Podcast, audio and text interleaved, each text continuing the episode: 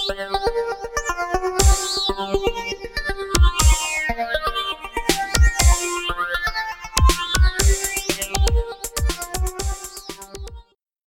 och välkomna till Sigma-podden avsnitt 9. Idag kommer vi prata om bitcoins och med oss har vi mig, Alexandra, och eh, Simon Forsberg som inte längre är gäst utan kom med oss här framåt i eh, Sigma-podden. Och sen har vi eh, en gäst här som heter Martin Sten som har bitcoin som en stor hobby. Ja men precis, både bitcoin, kryptovalutor och blockkedjor i allmänhet. Kan du berätta lite för oss Martin, vad är kryptovaluta? Vad en kryptovaluta är, är en ny form av eh, överföring av värde skulle man kunna säga. Till exempel att jag skulle vilja skicka 100 kronor till dig Simon. Fast eh, vi tar bort kronorna. Och så sen tar vi bort bankerna och säger att vi behöver inte Nordea eller Swedbank. Och vi tar även bort eh, alla överväxlingar av kurser som skulle vara oss om vi påstod att du bodde i Kina till exempel. Och vi skulle behöva växla kronan till deras valuta. Så att det är ett nytt sätt att egentligen kunna skicka värde mellan varandra utan ett behov av bankkonton, överväxlingar eller egentligen någon central enhet som en bank som tar hand om en transaktion. Så det är väl den första övergripande vad en kryptovaluta är. Vet du hur länge det har funnits? Det beror väl på hur djupt man vill gå men bara kortfattat så har ju digitala valutor, en diskussion om det pågått eh, egentligen sedan 70 80-talet och cypherpunkrörelsen om ni kanske har hört något om den? Aldrig hört talas om något. Det kan vara ett helt eget avsnitt så vi behöver inte gå in på det men, men tankar om att använda en annan form av, eh, vad ska man säga, valutor för att skicka pengar mellan varandra har funnits väldigt länge. Men det har funnits många problem inom branschen och en av dem är till exempel att har du någonting digitalt hur ser vi till att du inte kopierar en så att du får en miljon av det? Och hur ser vi till att eh, om du själv skickar pengar till någon annan att du då inte skickar det till flera samtidigt. I och med att det är någonting digitalt som vi alla vet så går det mesta att kopiera inom det. När fick du eh, upp intresset? Liksom, när, hur länge har du hållit på? Jag har väl hållit på lite från och till med det. Det första gången jag var på det var 2013. Men jag tänkte bara lite snabbt säga där att bitcoin kan man säga kom till livet och den blockkedjeteknik som vi idag ja, men sett en revolution av 2008 slut så att vi vet om det också med oss framöver. Men mina första gånger jag stötte på det var 2013 då. Allra första jag fick höra om sånt här och såg att ja, men nu finns det något som heter bitcoin. Och kollar man lite i historien så ser man att det är den första större eh, vågen av individer som börjar bli lite intresserade i ämnet jag tyckte inte det var så roligt. Det såg inte så skoj ut för mig och jag förstod inte potentialen i det. Så att ganska snabbt dog intresset av men man förstod att det fanns. Sen 2015 eh, kom jag på det igen när en kompis och kollega till mig tipsade om att ja men nu ska vi börja med det. Och egentligen... Var det mining då? Eller vad var det ni skulle börja med? Liksom? Det var både mining men även investera i det. För det finns ju flera olika delar inom det. Och jag tror vi kommer behandla vissa av dem här idag. Men det var eh, då investera i olika valutor och även eh, miningdelarna. Så min första dator den eh, var inte särskilt bra men jag satte igång den och så minade jag ett mynt som heter Federcoin. Finns även idag. Inte någon av de största. Eh, men det som jag inte blev lockad av det var min hem-PC. Jag satt och spelade en del och det gick ju inte att göra någonting när den här miningprocessen var igång. Så att även där dog intresset av. Jag eh, har en eh, spelutvecklare kan man säga i mitt team då. Mm. Och han är ju lite upprörd över det här med mining för att Alltså på grund av detta så har ju priserna på grafikkort stigit otroligt mycket. Ja.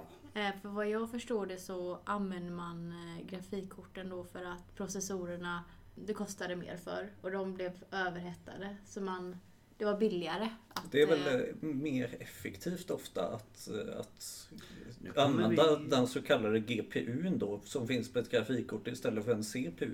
Det vill säga en vanlig processor. Ja men precis. Eller ja, man ska väl gå in i det här beroende på hur djupt man vill gå. Men den enkla bilden av det är att det finns både mining med CPUer och eh, ASIC som man kallar det då som är väldigt specifikt utvecklade CPUer för att lösa en uppgift. Eh, sen så finns det även eh, mining med GPUer idag. Det finns också mining med hårddiskar. Alltså man skulle kunna använda det för att egentligen sälja sin kapacitet som du har då till någon. Så att Frågan om att det stör den ena eller den andra vet jag inte riktigt utan blockkedjorna styr lite grann baserat på vilket hashningsprotokoll de Nu använder. har det kommit in väldigt mycket nya ord här tror jag för Ja. många lyssnare.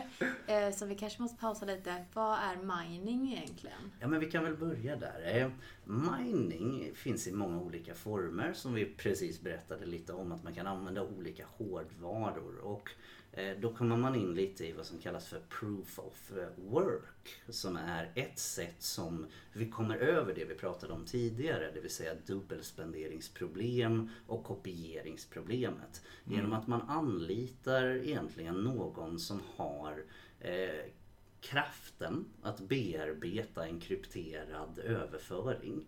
Och man använder då en, eh, en, en egentligen annan part. Så att till exempel en bank. De skulle ju idag ta hand om transaktionen själv och kommunicera med den andra banken och överföra pengarna. Men i och med att vi inte har någon central enhet inom kryptovalutor så uppstår det då ett behov av att men hur validerar vi att det här verkligen sker? Och blockkedjetekniken löser det genom vad som kallas då proof of work. Och det är, okej, och blockkedje.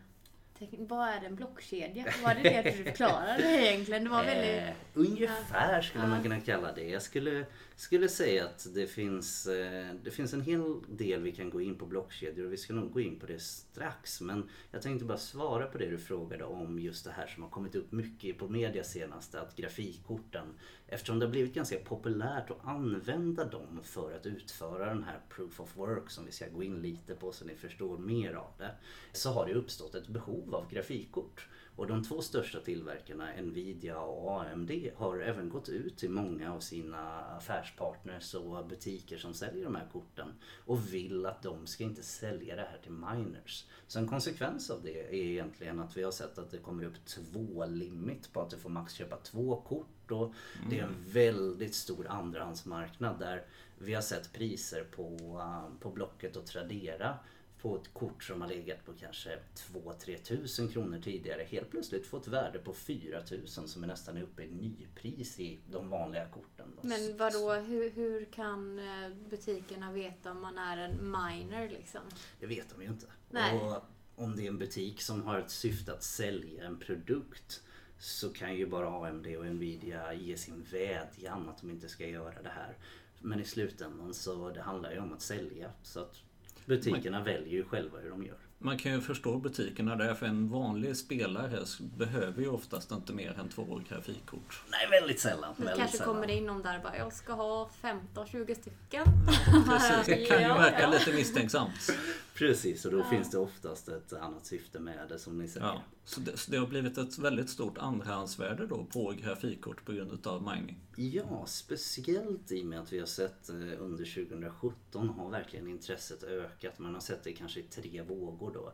Eh, 2013 var den första större vågen när folk blev intresserade och såg saker och potentialen med både blockkedjor och kryptovalutor som vi ska göra lite tydligare snart vad det är. Eh, Men sen 2015 och nu 2017 då och nu har det verkligen exploderat. Man har sett att det kommit ut till ja, men nästan gemene man och det är väl därför vi sitter här idag. Det finns ett Ja, intresse. precis. Det, man har ju sett att eh, under senare delen av 2016, nej 2017 blir det, så är det väldigt många fler på, som investerar i, i bitcoin eller ja, Och andra Invester- valutor. Sen är väl frågan om investerar är rätt ord eller om men det, det tål att diskuteras. Vi kanske ska tillägga det att det vi säger här idag ska ju inte tas som någon finansiell rådgivning eller något sånt utan for entertainment purposes only i princip. Nej, För det, det, det, det är väldigt det är bra. väldigt svårt att spekulera om framtiden och vad som kommer hända med bitcoin och allt sånt. Verkligen, verkligen. Och det är väldigt mycket prat om bitcoin, bitcoin, bitcoin. Det finns ju, som du har nämnt, eh, för oss eh, många andra valutor. Ja men Mm. verkligen. Alltså, Ja. Kollar man eh, rakt upp och ner idag på de blockkedjor som använder sig av kryptovaluta då och har en sån koppling till den så finns det ungefär 1400 stycken och så kollar vi tillbaka i september förra året så fanns det 700. Så att det har skett en otrolig ökning både intresse från hela marknaden men även olika som vill få utlopp för att kunna ja, men skapa någonting och använda blockkedjan för det. Mm. Men nu har vi nu dansat runt ämnet ganska men, länge. Ja, så, så, som, jag, precis, så, som, jag, som jag förstår blockkedjan så är det vad man använder för att hålla koll på vem som äger vad. Kan man ja. säga så? Nej men definitivt. Det, det går även också att likställa med en bankbok om ni kommer ihåg de här gamla som man skrev ner hur mycket mm. jag ägde och hur mm. jag skickat till vem och liknande. Mm. Eh, bankerna håller ju idag koll på det åt oss så att vi slipper göra det och när de skickar pengar mellan varandra så ser de ju till och kommer överens om att ja men den här personen hade de pengarna och men det går bra att ta dem hit. Och så tar ju de sin andel i att ja, men ge, erbjuda den tjänsten till oss som konsumenter. Mm. Men en blockkedja, precis som du säger, det är den öppna bankboken som vem som helst kan ladda ner och ha tillgång till och se alla transaktioner som har skett bakåt i tiden. Så helt enkelt, eh, man kan se från den första transaktionen som skedde på Bitcoins blockkedja och se vem som skickade det, man kan se vem som tog emot det och man kan se beloppet. Men kan man Så... egentligen se vem? Precis.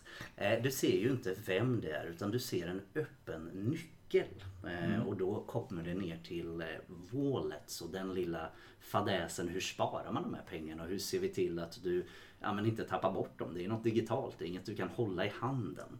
Och jag tror vi ska komma dit. Men för att förklara lite rollen av en miner och förklara lite vad en kryptovaluta kommer in i det hela så mm. kan vi säga så här.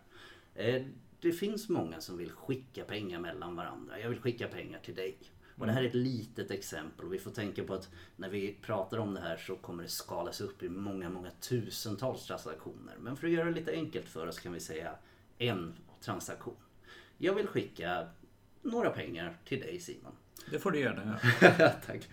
Eh, när jag gör det så, så läggs den transaktionen in i vad som kallas ett block.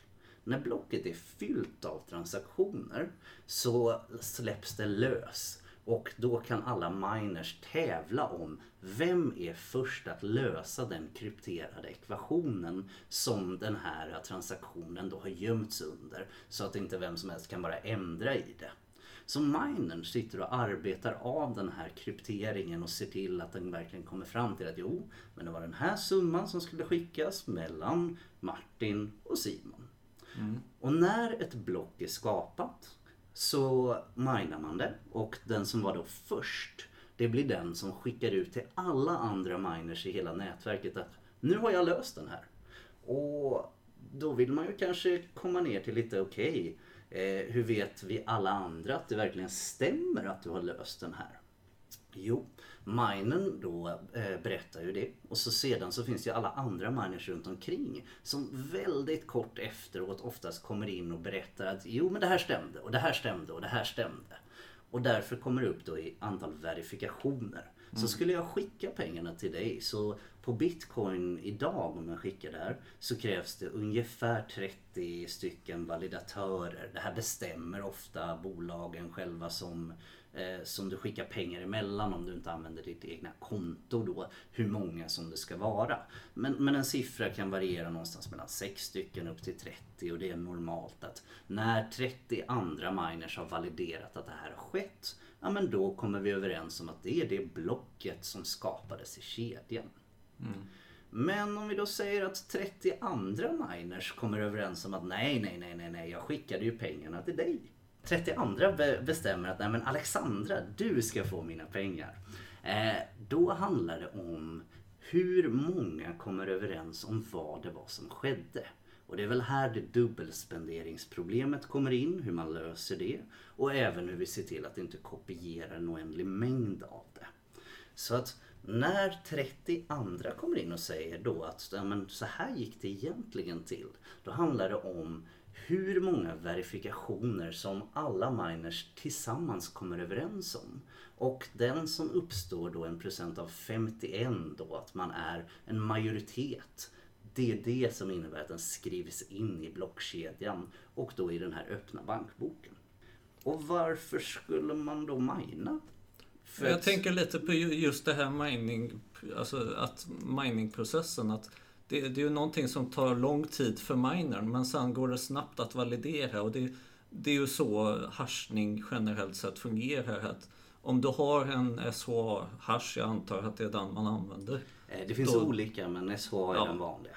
Och då, då, tar det, då är det väldigt svårt att hitta en textsträng eller sådär som, som leder till en viss hash. Men det är väldigt enkelt att faktiskt validera att okej, okay, den här, när man väl har textsträngen så att säga, att den här leder till just den här hashen. Är det lite det så som sker när man minar? Ungefär skulle du kunna säga det. Eh, jag ska nog inte gå in för mycket detaljer för att jag känner mig mm. själv lite osäker vad som exakt händer där inne. Men, det låter ju väldigt liknande. Ja, men det som att man var... liksom så kommer överens om att okej, okay, vi båda ska ha det här certifikatet liksom. Och, ja. Men vad man kommer egentligen arbeta fram, då är det ju att knäcka den här SHA-krypteringen mm. som mm. är. Och när den är knäckt då tar det ju bara en millisekund att skicka ut svaret. Och sen då handlar det om att kan fler personer som minar komma överens om att det här var svaret som det var. Och därav validera att det skedde då att jag skickade pengarna till dig och inte till Alexandra. Mm. Det här är väldigt komplicerat. Jag tror att eh, man skulle behöva ha nästan en bild över det här. Du har ju någon hemsida. Eh, ja, eh, så vill ni gå in och läsa lite mer om det här. Jag ska säga att eh, vi har inte alla pusselbitar på plats men det kommer mer och mer och när avsnittet är ute så kanske det redan är svar på alla era frågor. Men då kan ni gå in på omkrypto.se så där kan finnas massa information både om olika kedjor, hur du ska tänka, vad som händer inom branschen generellt, både Sverige mm. och även internationellt. Och det som har varit en stor fokus är att se lite grann hur börjar vi använda de här valutorna. Men innan vi går in på de delarna så skulle jag bara vilja prata om varför skulle en miner sätta ihop en dator med antingen CPU eller GPU, ha den igång dygnet runt, koppla upp det här till servrarna och hela egentligen varför gör man det? Det, alltså, det måste ju vara för att tjäna pengar. Ja, jag tänker jag. samma sak. ja. Som allt annat eh, ja. nästan.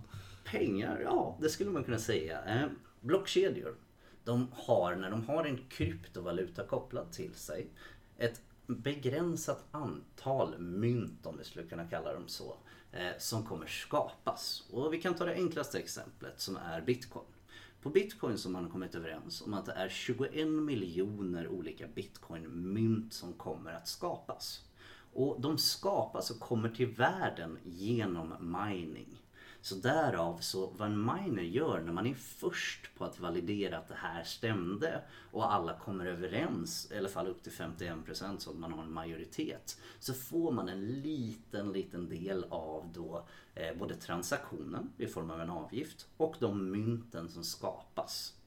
Och nu kan vi gå in på mycket, mycket detaljer här. Men... Jag känner att det kanske är enklast om vi ställer lite frågor och ja, så ser vi vart vi hamnar. Ja, för jag funderar på en grej. Det är ju det här att liksom, det finns massa olika kryptovalutor. Yeah. Men liksom, varför skulle man vilja handla med en annan för en annan om du förstår? Alltså, ja. De måste ju ha olika egenskaper då i så fall. Verkligen. De har väl olika pris framförallt. Bitcoin är, Bitcoin är väl bland den dyraste. Därmed inte sagt att den kommer vara det när det här avsnittet släpps givetvis. och vissa kanske du inte kan handla med överallt och så vidare. Alltså, ja, precis. Eh, och det finns många delar i det. Både hur stor penetration på marknaden har olika valutor när det kommer till att använda dem till mer vardagligt köpande av till exempel elektronik eller mjukvaror och liknande. Men priset på, en, på ett mynt det bestäms egentligen av vad tycker vi någonting är värt? Hur mycket pengar finns i investerat i den från dollar brukar man använda som en, mm. en ganska enkelt sätt att jämföra någonting med. Och sedan då procentuellt hur många mynt finns det? För att olika kedjor gör olika grejer och vi kan ge ett exempel för att få förstå lite skillnaden. Eh, när du har bitcoin så kan, jag, kan du som sagt se när vi pratade om tidigare eh, en publiknyckel på vem det var som skickade det, beloppet de skickade det och vem som tog emot den då. Så det kan du direkt se i kedjan och det finns i den här då eh, själva blockkedjan eller bankboken. Allt är öppet för alla att se. Men Monero som är ett annat mynt eh, som har en helt annan idé. De har mycket, mycket mer mynt i sig. Eh, och vi och behöver när inte du säger mynt det. så menar du kryptovaluta? Ja eller? precis. Ja. Alltså, en kryptovaluta eh, skulle man kunna säga då att de olika valutorna där i det är ju mynten som mm. man använder då. Mm. Eh, men Monero, de gör en skillnad som är väldigt, väldigt tydlig. Deras mål är att de vill vara de privatiserade på marknaden. De har flera andra delar som de också vill göra, men om vi gör det här exemplet så kan du då inte se vem som har den publika nyckeln. Alltså du kan inte ens se den nyckeln. Du kan inte se beloppet som du skickade eller vem mottagaren var.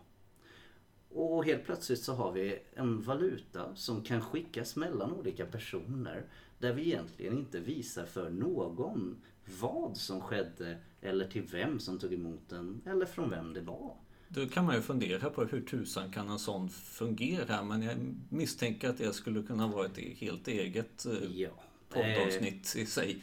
Och det kan jag tipsa, det kan ni läsa på hemsidan som vi pratade om tidigare om Monero. Där har vi gjort en liten guide som förklarar vad är det deras lilla nisch är och vad är det som gör att det funkar. För det mm. låter ju som att nu har vi gömt allting. Ja precis. Alltså, när, jag tänker på liksom, kryptovalutor nu när du har berättat lite mm. Eh, och hur det skickas så här, så tänker jag väldigt mycket på så här, olika nätverksprotokoll och hur data skickas bara. Och blockkedja låter som ett datapaket typ. Och ja, men så här, jag väljer att skicka över eh, du vet, TCP eller UDP. Mm. Alltså mm. det låter lite, det känns lite liknat, som att det är uppbyggt på samma sätt på något sätt. Jag skulle inte säga uppbyggt på samma sätt eh, riktigt. Men, mm. men det finns definitivt likheter i och med att vi pratar om digital information som skickas mellan olika parter. Mm. Och utan att gå in på TCP/IP och UDP så kan vi säga att ja, men det är information som skickas och kommuniceras med Precis. varandra. Så det finns mm. definitivt många likheter. Men den enklaste är ju då att vi lägger på en krypteringslåda på det hela och säger att nu är informationen skyddad på ett annat sätt. Jag funderar på det Martin. Du sa att det finns 21 eh, miljoner eh, bitcoin-mynt. Eh, det ska eller till. Det, det, ska till, precis. Det kommer inte finnas fler än så. Nej. Men efter att det då finns så många mynt, kommer, hur kommer miningen funka då? Kommer miningen bara sluta eller vad, vad händer då egentligen? Jo, kan, kan man inte mina längre efter det? Du kan inte mina nya mynt. Det är det som blir den Kan man mina gamla mynt? Nej. Men du kan som miner ändå ta en del av vinsten för att du gör ju det här av en anledning. Och det är ju oftast för att du vill tjäna pengar. Mm. Och då nämnde jag förut att vid varje transaktion mellan två parter så sker en transaktionsavgift. Och den här kan man ju likställa lite grann med att säga att jag skickar pengar med eh, Western Union eller någon annan sån stor. Absolut inget att det måste vara dem. Eh, och då tar ju de en, en avgift för att utföra själva flyttandet av pengarna och eventuellt en växelkurs som du behöver betala om det är ett annat lands valuta det ska betalas ut i. Så den delen kommer fortfarande finnas kvar. Men den stora skillnaden mot våra banker och våra vanliga, om man säger bolag som hjälper till med det här idag. Det är att det är en otroligt liten procent som mm. faktiskt tas i avgift. Och därav så är en viktig del att om det här ska fungera i framtiden om man fortsätter använda det som vi har nämnt som proof of work när man använder en hårdvara för att bevisa det hela så måste det bli tillräckligt stora och tillräckligt många transaktioner och block för att du ska kunna tjäna pengar. Idag är det inte riktigt där men vi börjar se första trenderna där transaktionsavgifterna faktiskt kan vara värt kostnaden att mm. investera och den ström som det faktiskt kostar att ha massor av olika grafikkort och processorer och mm. hårddiskar igång. Jag har att du, eh, vi har ju pratat lite inför det här avsnittet mm. och jag har för mig att du nämnde, var det något land där de handlade mest med kryptovaluta för att ekonomin typ hade kraschat i landet eller? Eh, Zimbabwe om ni har lite koll på det landet. Eh, det ligger i Afrika. That's it. ja men exakt. Du behöver inte gå in djupare än så. Men någonting som har skett där är en otrolig inflation. Det finns 50 miljarder dollar sedlar i det landet. Och därav så har tron från folket eh, egentligen försvunnit till den lokala valutan. Och det har också med att göra en eh, instabilitet som har funnits i landet med att ja, men nu är det den här grillagruppen som äger och nu tar någon annan över och lite. Vi behöver inte gå in på Zimbabwe.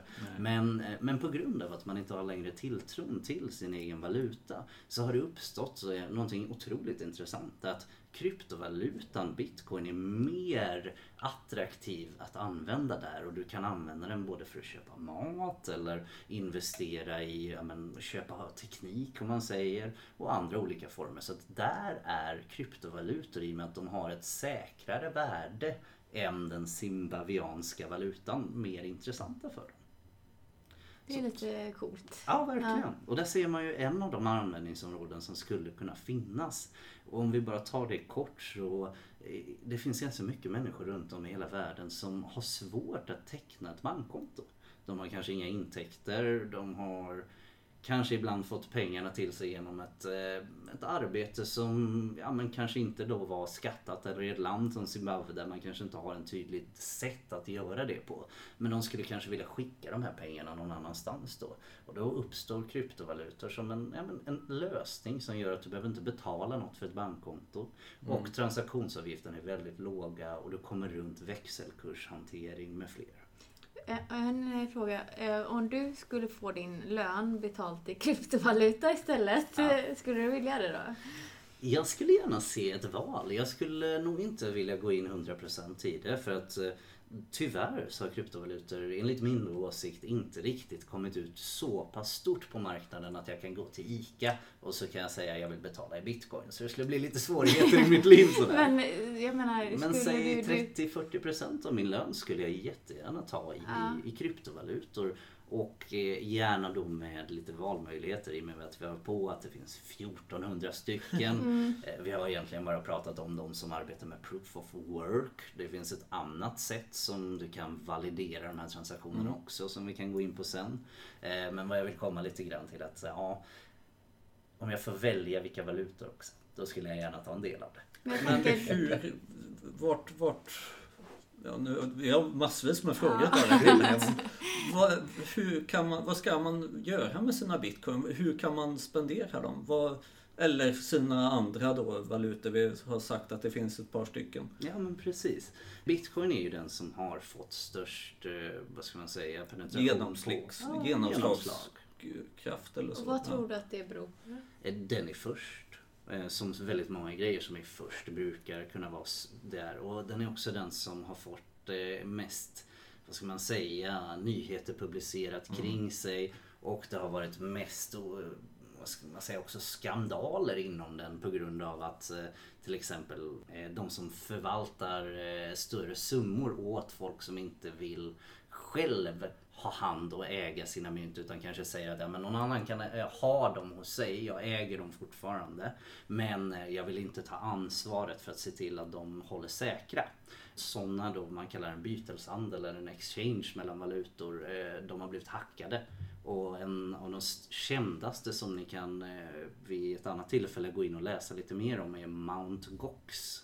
Där det försvann otroligt mycket bitcoin under väldigt underliga förutsättningar. Så att där kan man gå in och läsa lite grann.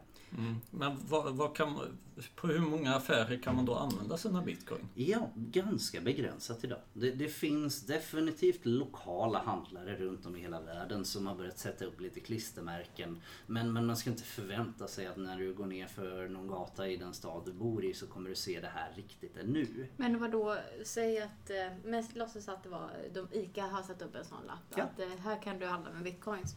Hur handlar du med bitcoins då?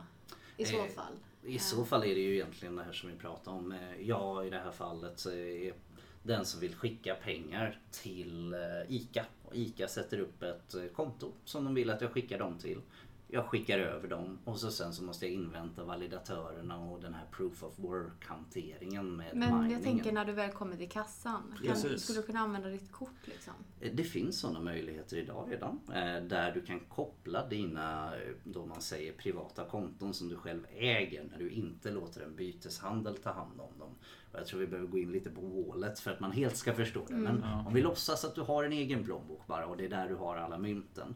Då kan du koppla den plånboken till det här kortet. Och så sedan när du slår in det i terminalen så kan den ta de pengarna som det kostar i svenska kronor, översätta det till kursen som bitcoin går på just då, använda sig av en tredje part som kommer in och gör den här köpet av det då och ger mig kronorna. Och så sen så ger man kronorna till ICA. Väldigt enkelt förklarat. Vet Men du finns det- om det är så att Förlåt Simon. Kör på Alexander. det, är så, det är spännande. Men liksom, eh, vet du om man kan få tillbaka en annan valuta? Säg jag vill ha, nu kan inte jag så, du sa någon annan valuta, kryptovaluta då? Ja, Eh, Monero skulle vi ja, kunna kalla ja, det. kan man få det? Eh, Nej, idag inte. Utan Nej. det här är låst lite till blockkedjor. Men det finns... Fast nu tänker jag helt fel, för det här är ju inte mynt. Det, nej, det Nej. finns ju Nej. inte den sortens växel Nej, så att säga. precis. i- Det här, är som, det här är lite som handlar med kort på ett sätt. För att Ja, jag menar, du, du precis. kommer ju inte Det- med, men du kommer ju inte med eh, 100 kronor. Ja, men det kostar, ja. Det, det, det dras ju en viss mängd, ja. en viss mängd utav Mm. dina... Men, men, men däremot så Pengar. kan man alltså köpa andra valutor med en annan, alltså bitcoin Ja. mot monero och Ja. så vidare. Jag funderar på det.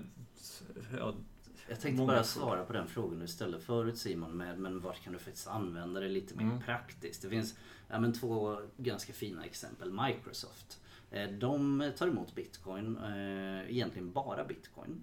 Och eh, det som är intressant är att de har satt en policy för sig själva att de säljer bara mjukvaror. Det vill säga att de säljer hela Office-paketet, de säljer sina operativsystem och alla andra små produkter som de säljer. Men de säljer ingen hårdvara. Sen så finns det också eh, något som kom ut ganska nyligen. KFC som är Kentucky Fried Chicken i Kanada. Eh, nationellt har börjat ta emot bitcoin som betalningssätt. Mm. Så att det, det finns exempel och det kommer mer och mer av dem. Och, eh, vi har sett eh, butiker som i Sverige som Webbhallen har haft det möjligt men har temporärt ju för inte så jättelänge sedan faktiskt stängt av det. Eh, som de egentligen berättar att de håller på att arbeta lite med sitt system och de är inte säkra på hur deras ställningstagande i framtiden kommer vara. Men tror du att det kan bero på att de eh, tror att de kommer förlora pengar på det? Alltså, jag kan ju tänka mig att det är väldigt svårt att säga att den här produkten ska kosta si och så mycket Mm. bitcoin med tanke på hur mycket priset går upp och ner bara över en dag. Så är det ju, men eh, det kan du ju egentligen lösa det problemet med att sätta att eh, Ett högre här, pris. Nej, inte ens det. Du ska säga, sätta så här, den här datorn kostar 9000 svenska kronor. Mm. Sen då vid tillfället när köpet sker kollar man på vad är kursen med den ah, part som de använder och så betalar man kursen. Mm. Och så sen då om de har en eh, leverantör av datorn som de ska betala för det så har de ju då rakt över att de kan ja, men, göra om bitcoinen till det, eh, alltså vanliga kronor och skicka det till sin leverantör. Eller så kan de använda sin egna vanliga budget som de har då eh, för att betala och spara sina kryptovalutor. Finns det typ någon motsvarande Swish-app fast för kryptovaluta? Så att man kan bara så här, klicka lite med telefonen så får man över pengar. Eh, inte vad jag vet om så, men det finns definitivt appar eh, som du kan ha i din mobil för att skicka pengar mellan varandra. Det finns, eh, men kryptovalutor då mellan varandra. Eh, det finns dock ingen sån här riktig swish där du har det kopplat till ett bankkonto Ja, nej, nej, med nej. överföring att när jag swishar dig en bitcoin så får du det i svenska kronor. Eh, utan det, det är egentligen bara att man byter mellan varandra. Det finns i alla fall appar för att föra över ja, någon form av kryptovaluta då mellan varandra. Definitivt. Kan tänka mig att det finns ganska många sådana appar. Eh, Ja, det finns väldigt många och man kommer ju in i att hela kryptovalutavärlden, det är ju vilda västern. Och det är ett stort problem. Det innebär både att man skulle kunna egentligen använda, vad ska man säga, eh, kryptovalutor för ett medel att köpa saker som idag är olagligt eller skicka pengar till länder eller delar i länder som eh, vill göra en agenda av krig och så kanske man inte vill berätta att det var jag som skickade dem. Ja, men använd kryptovalutor så löser man lite det man problemet. borde väl kunna spåra IP-adresser i så fall? Liksom att det, det kom härifrån. Det går ju, det är som allt liksom. Det går att komma ganska långt ner till kärnan. Mm. Eh, men det kommer ofta in saker som att, ja men vet du vem som satt vid den datorn vid tillfället? Ja, och liksom ifall det inte var eh, någon i bostaden utan de kanske har något så här internetcafé som Ja. kanske är Eller populärt i du, många länder. du hackar in dig på nätverk hos någon annan och så använder du deras IP för att Mm. göra dina transaktioner och sen så går du vidare. Mm. Och, och om man vill dra sina extremer då så kanske man kan se vilken MAC-adress som den datorn hade och försöka lista ut det här, se om den finns. Men det, det hela handlar om att det är många svårigheter i det Mm. och det är väldigt, väldigt mycket enklare idag att se om Martin skickar till Simon eller Alexandra 300 000 och så skriver jag använd för illegal aktivitet. Kanske jag inte gör men du förstår. Ja, precis. Jag kan tänka mig att det, att det är många att den undre världen så att säga tycker det är väldigt smidigt med bitcoin för det blir mycket svårare att spåra vart pengarna tar vägen. Ja men definitivt. 2013 så var det en av anledningarna att det blev lite större och det kom upp i media. Det var att man eh, såg på sidor som, om ni kanske har hört talas om, Silk Road. Jag har hört talas om den, ja. Eh, det, Undviker den så gott jag kan. ja, det är nog, nog väldigt smart att göra faktiskt. Det har att göra med Tor-nätverket och vi ska inte alls gå in på det. Men man kan säga ett annat sätt att nå andra delar av Mm. internet som en webbläsare inte når. Där du kanske då har en hemsida som eh, Silk Road, en av de kändaste. Och det man såg där var att bitcoin kom upp som någonting som egentligen var betalningsmedlet. I och med att det var krypterat och det var väldigt svårt att se vem som hade gjort vad. Så blev det stort och så har kryptovalutor tillsammans med bitcoin fått en sån liten stämpel. Bara används för illegala aktivitet. Men det är inte det det egentligen är till för. Och ska man verkligen dra det hårt åt andra hållet då skulle man kunna säga att ja, men vart har kanske 98% 99% av all illegal aktivitet idag hanterats via? Jo, våra vanliga valutor. Så att, att det finns en annan form av valuta kommer inte stoppa det. Men det har mycket problem. För om vi går tillbaka lite till diskussionen eller det vi pratade om att hur, hur ser vi till att ha något regelverk kring det här? Så är det ju inte bara Sverige som kan komma överens om det utan vi kan ju komma överens vad vi tycker. Men det här måste vara en internationell överenskom- Mm. överenskommelse i och med att det finns inga gränser längre mellan ett land som äger någonting i och med att valutorna ägs av ja, men folket och validationen av det görs av folket. Men jag tänker att vi kan gå in lite mer på det här med wallets, alltså sina, Ja. ens plånböcker. Precis. Om, om jag, alltså, jag har väl då någon form av fil eller någonting sånt antar jag. Och om jag då lägger det på, den, den, på ett USB-minne och tappar bort mitt USB-minne, blir jag då av med alla mina pengar? Det finns massa olika vägar här. Men om vi säger att du använder någon av de mest populära sätten att spara sina mynt via en USB-sticka. Så finns det vissa sådana produkter som gör egentligen en, en kryptering på USB-stickan. Så att vi, du kan inte låsa upp den här om du inte har tillgång till den nyckeln som behövs för att göra det. Eh, och sen då om du tappar bort USB-minnet och eh, ja, men egentligen inte riktigt har skrivit upp ditt lösenord. Då kan man säga att du har helt förlorat det. Men det finns även backuper och i och med att det är ju egentligen inte USB-minnet som håller pengarna på det sättet utan det är ju din privata nyckel som kan valideras att du äger en viss mängd i blockkedjan som alltid är öppen. Så, så egentligen så länge du har den så går det att återfå dina pengar igen. Men tappar du bort din privata nyckel då är du körd. Eller kanske ännu värre ifall jag råkar typ lägga upp den på mitt på online om jag, om jag uppdaterar min Facebook-status med min privata nyckel så Tror jag inte att eh, gemene man skulle förstå vad du skrev för någonting. Men om någon reagerar och förstår vad det är du har skrivit där. Så skulle de definitivt kunna länsa allt du äger och skicka det till, någon till ett annat konto. Och vill man dra det här till extremen i och med att det inte krävs någon registration mer än att nu vill jag ha ett nytt konto. Och ett nytt kontonummer kopplat till det då som är den öppna nyckeln. Så skulle jag kunna skicka det här egentligen genom oändligt många och det skulle ta så lång tid för dig att förstå ens vart det tog vägen. Och när du väl såg vart det tog vägen, vet du ens vem som äger den öppna nyckeln? nej.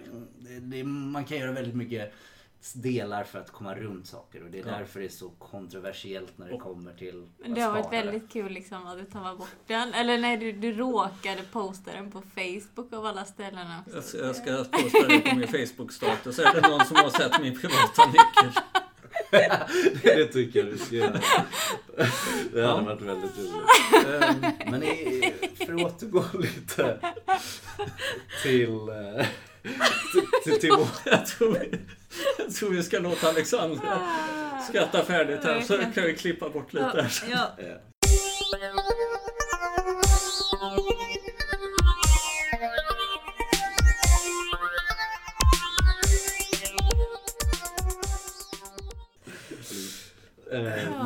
Men eh, för att återgå lite grann till eh, din fråga till hur håller du det här säkert? Vad är en wallet? Vad är ett konto? Vi har varit på de här begreppen lite grann. Eh, Vi, vi gick in på det och sa att ja, men den privata nyckeln är den viktigaste delen i det hela egentligen. Det är den som du kan validera om du äger någonting i blockkedjan eller inte. Eh, Och den privata nyckeln kan du förvara på jättemånga olika sätt. Det enklaste sättet att förvara den på, och vissa argumenterar det mest säkraste, det är ju att du kommer ihåg den i huvudet. Hur lång är den här privata nyckeln? Eh, Det bestämmer du ofta själv i och med att du kan välja hur djup krypteringen ska vara på den. Men man rekommenderar i alla fall minst 12 stycken ord som man brukar använda. Ja, okej. Så det är ett sånt, en sån lång secure passphrase? Ja, skulle du kunna säga. Man Precis. kunde ju ha den i typ KeyPass eller någonting. Och så har du Ja, ett lösenord till KeyPass. Exakt. Som är, Förhoppningsvis säkert. Ja, Precis, och det finns många olika plånböcker eh, och många sätt. Vi pratade lite om ett tidigare när man låter en tredje part, alltså en byteshandel eller en exchange, där jag till exempel kan använda mina kronor för att köpa bitcoin av någon som äger det och säljer det och har det som jobb eller företag driver att vi säljer bitcoin till privatkonsumenter. Och det finns väldigt många sådana och de kan man låta ta hand om det och säga att jag har min inloggning till er genom, eh, ja men eh, som vanligt, du kan ha Google Authenticator och liknande och du kan ha sms-verifiering eller bara ett vanligt lösenord som stämmer överens med deras åtta tecken eller vad det kan vara för någonting.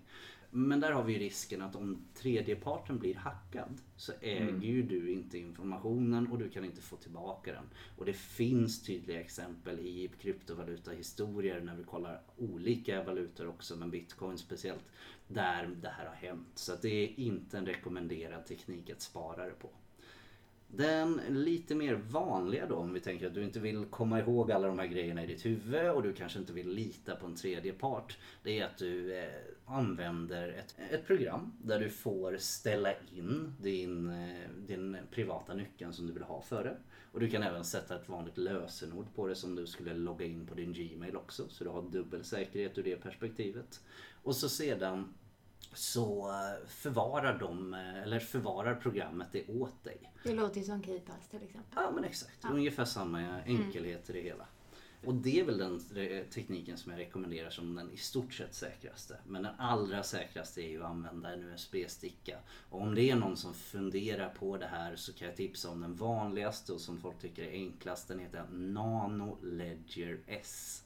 Så inget, de ska inte ha något så här eh, promotion men det är en väldigt enkel, hyfsat billig sätt att göra det på som jag tycker att ja, men, funderar du på ett sätt att spara det här säkert, kolla in lite på sådana och där kan vara en bra början. Eh, Jag tänker på lite på en, alltså, andra områden eh, som man kan använda den här blockkedjan för. Eh, Jag känner ju till att det finns en kryptovaluta som är ganska populär som heter ethereum. Ja men precis. Ethereum eh, speciellt, de, de vill egentligen inte vara en valuta om vi skulle kunna säga så. Och nu ska vi göra lite distinkta skillnader mellan en kryptovaluta och blockkedjeteknik. För om någon lyssnar på det här och är lite insatt så misstänker jag att de tänker men vad fan nu har de blandat ihop allting här lite.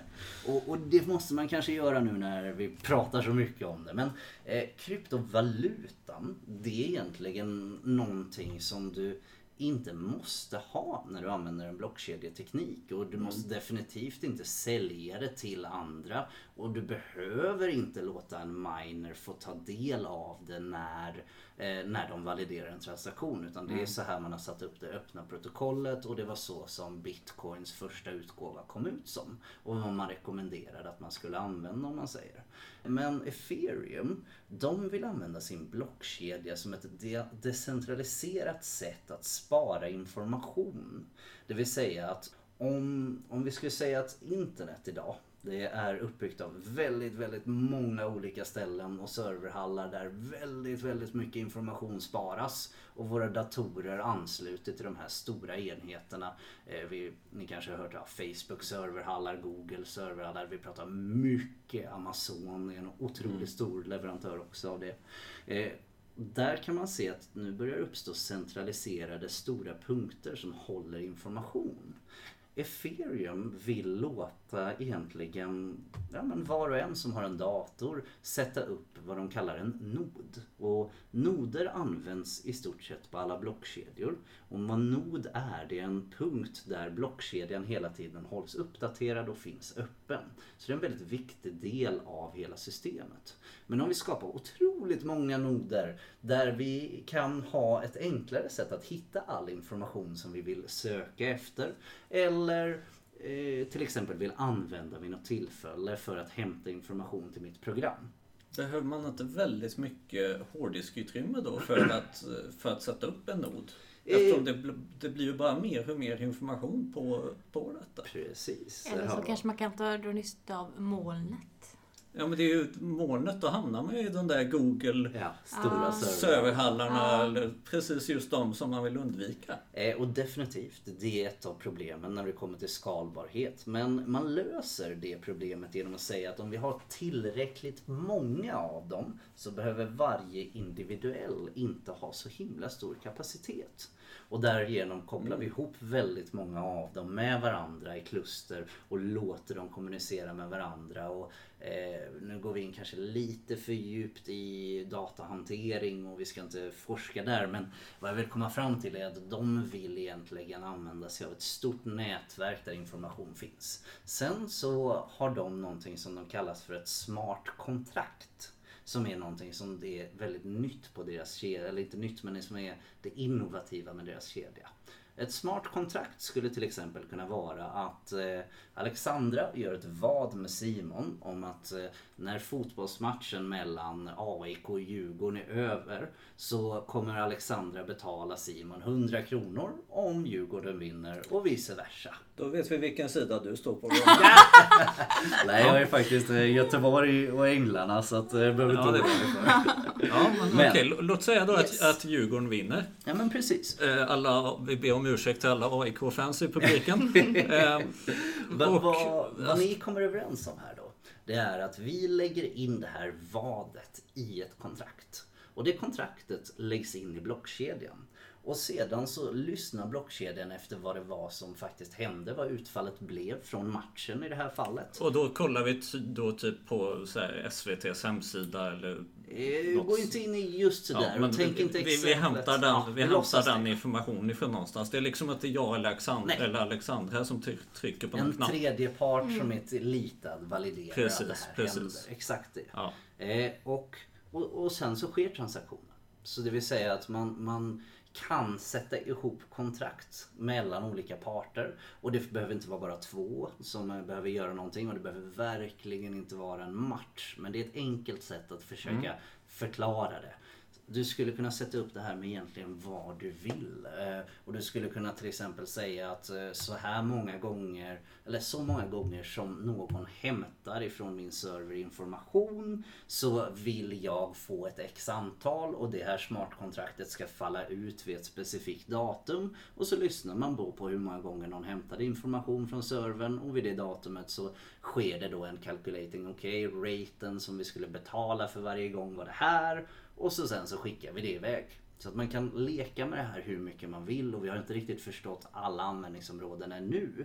Eh, Det lustigaste är att det används faktiskt för att sälja eh, memes mellan varandra. Har det största området varit hittills. Som är lite roligt. Och det har varit eh, kaninmemes och kattmemes som har varit en av de största sådana. Bara egentligen för att testa och se vilka möjligheter som finns med det. Men här visar ju också internet. När internet får bestämma och folket får Det göra känns som ju de konstigt vill. att sälja och köpa det. Det, Det är precis, finns inte Det det, är ju liksom gratis, gratis liksom. Överallt? Och det handlar egentligen bara om att testa Ja, det är protokollet. Det är ingen som spenderar Ja. någon summa för att köpa Nej. utan vi pratar om väldigt små mängder. Ja. Och vi kan gå in djupare i ethereum men vad de vill göra det är, det är egentligen egentligen att komma bort ifrån att vi har så många olika centrala punkter och ge oss en tredjepartsmöjlighet där, där man kan få en valid, validering av någonting som man kommer överens om vid en senare tidpunkt eller bara vid nästa dag. Om du då skulle vilja utveckla ett sånt här kontrakt då, eller bygga en verksamhet kopplat till det.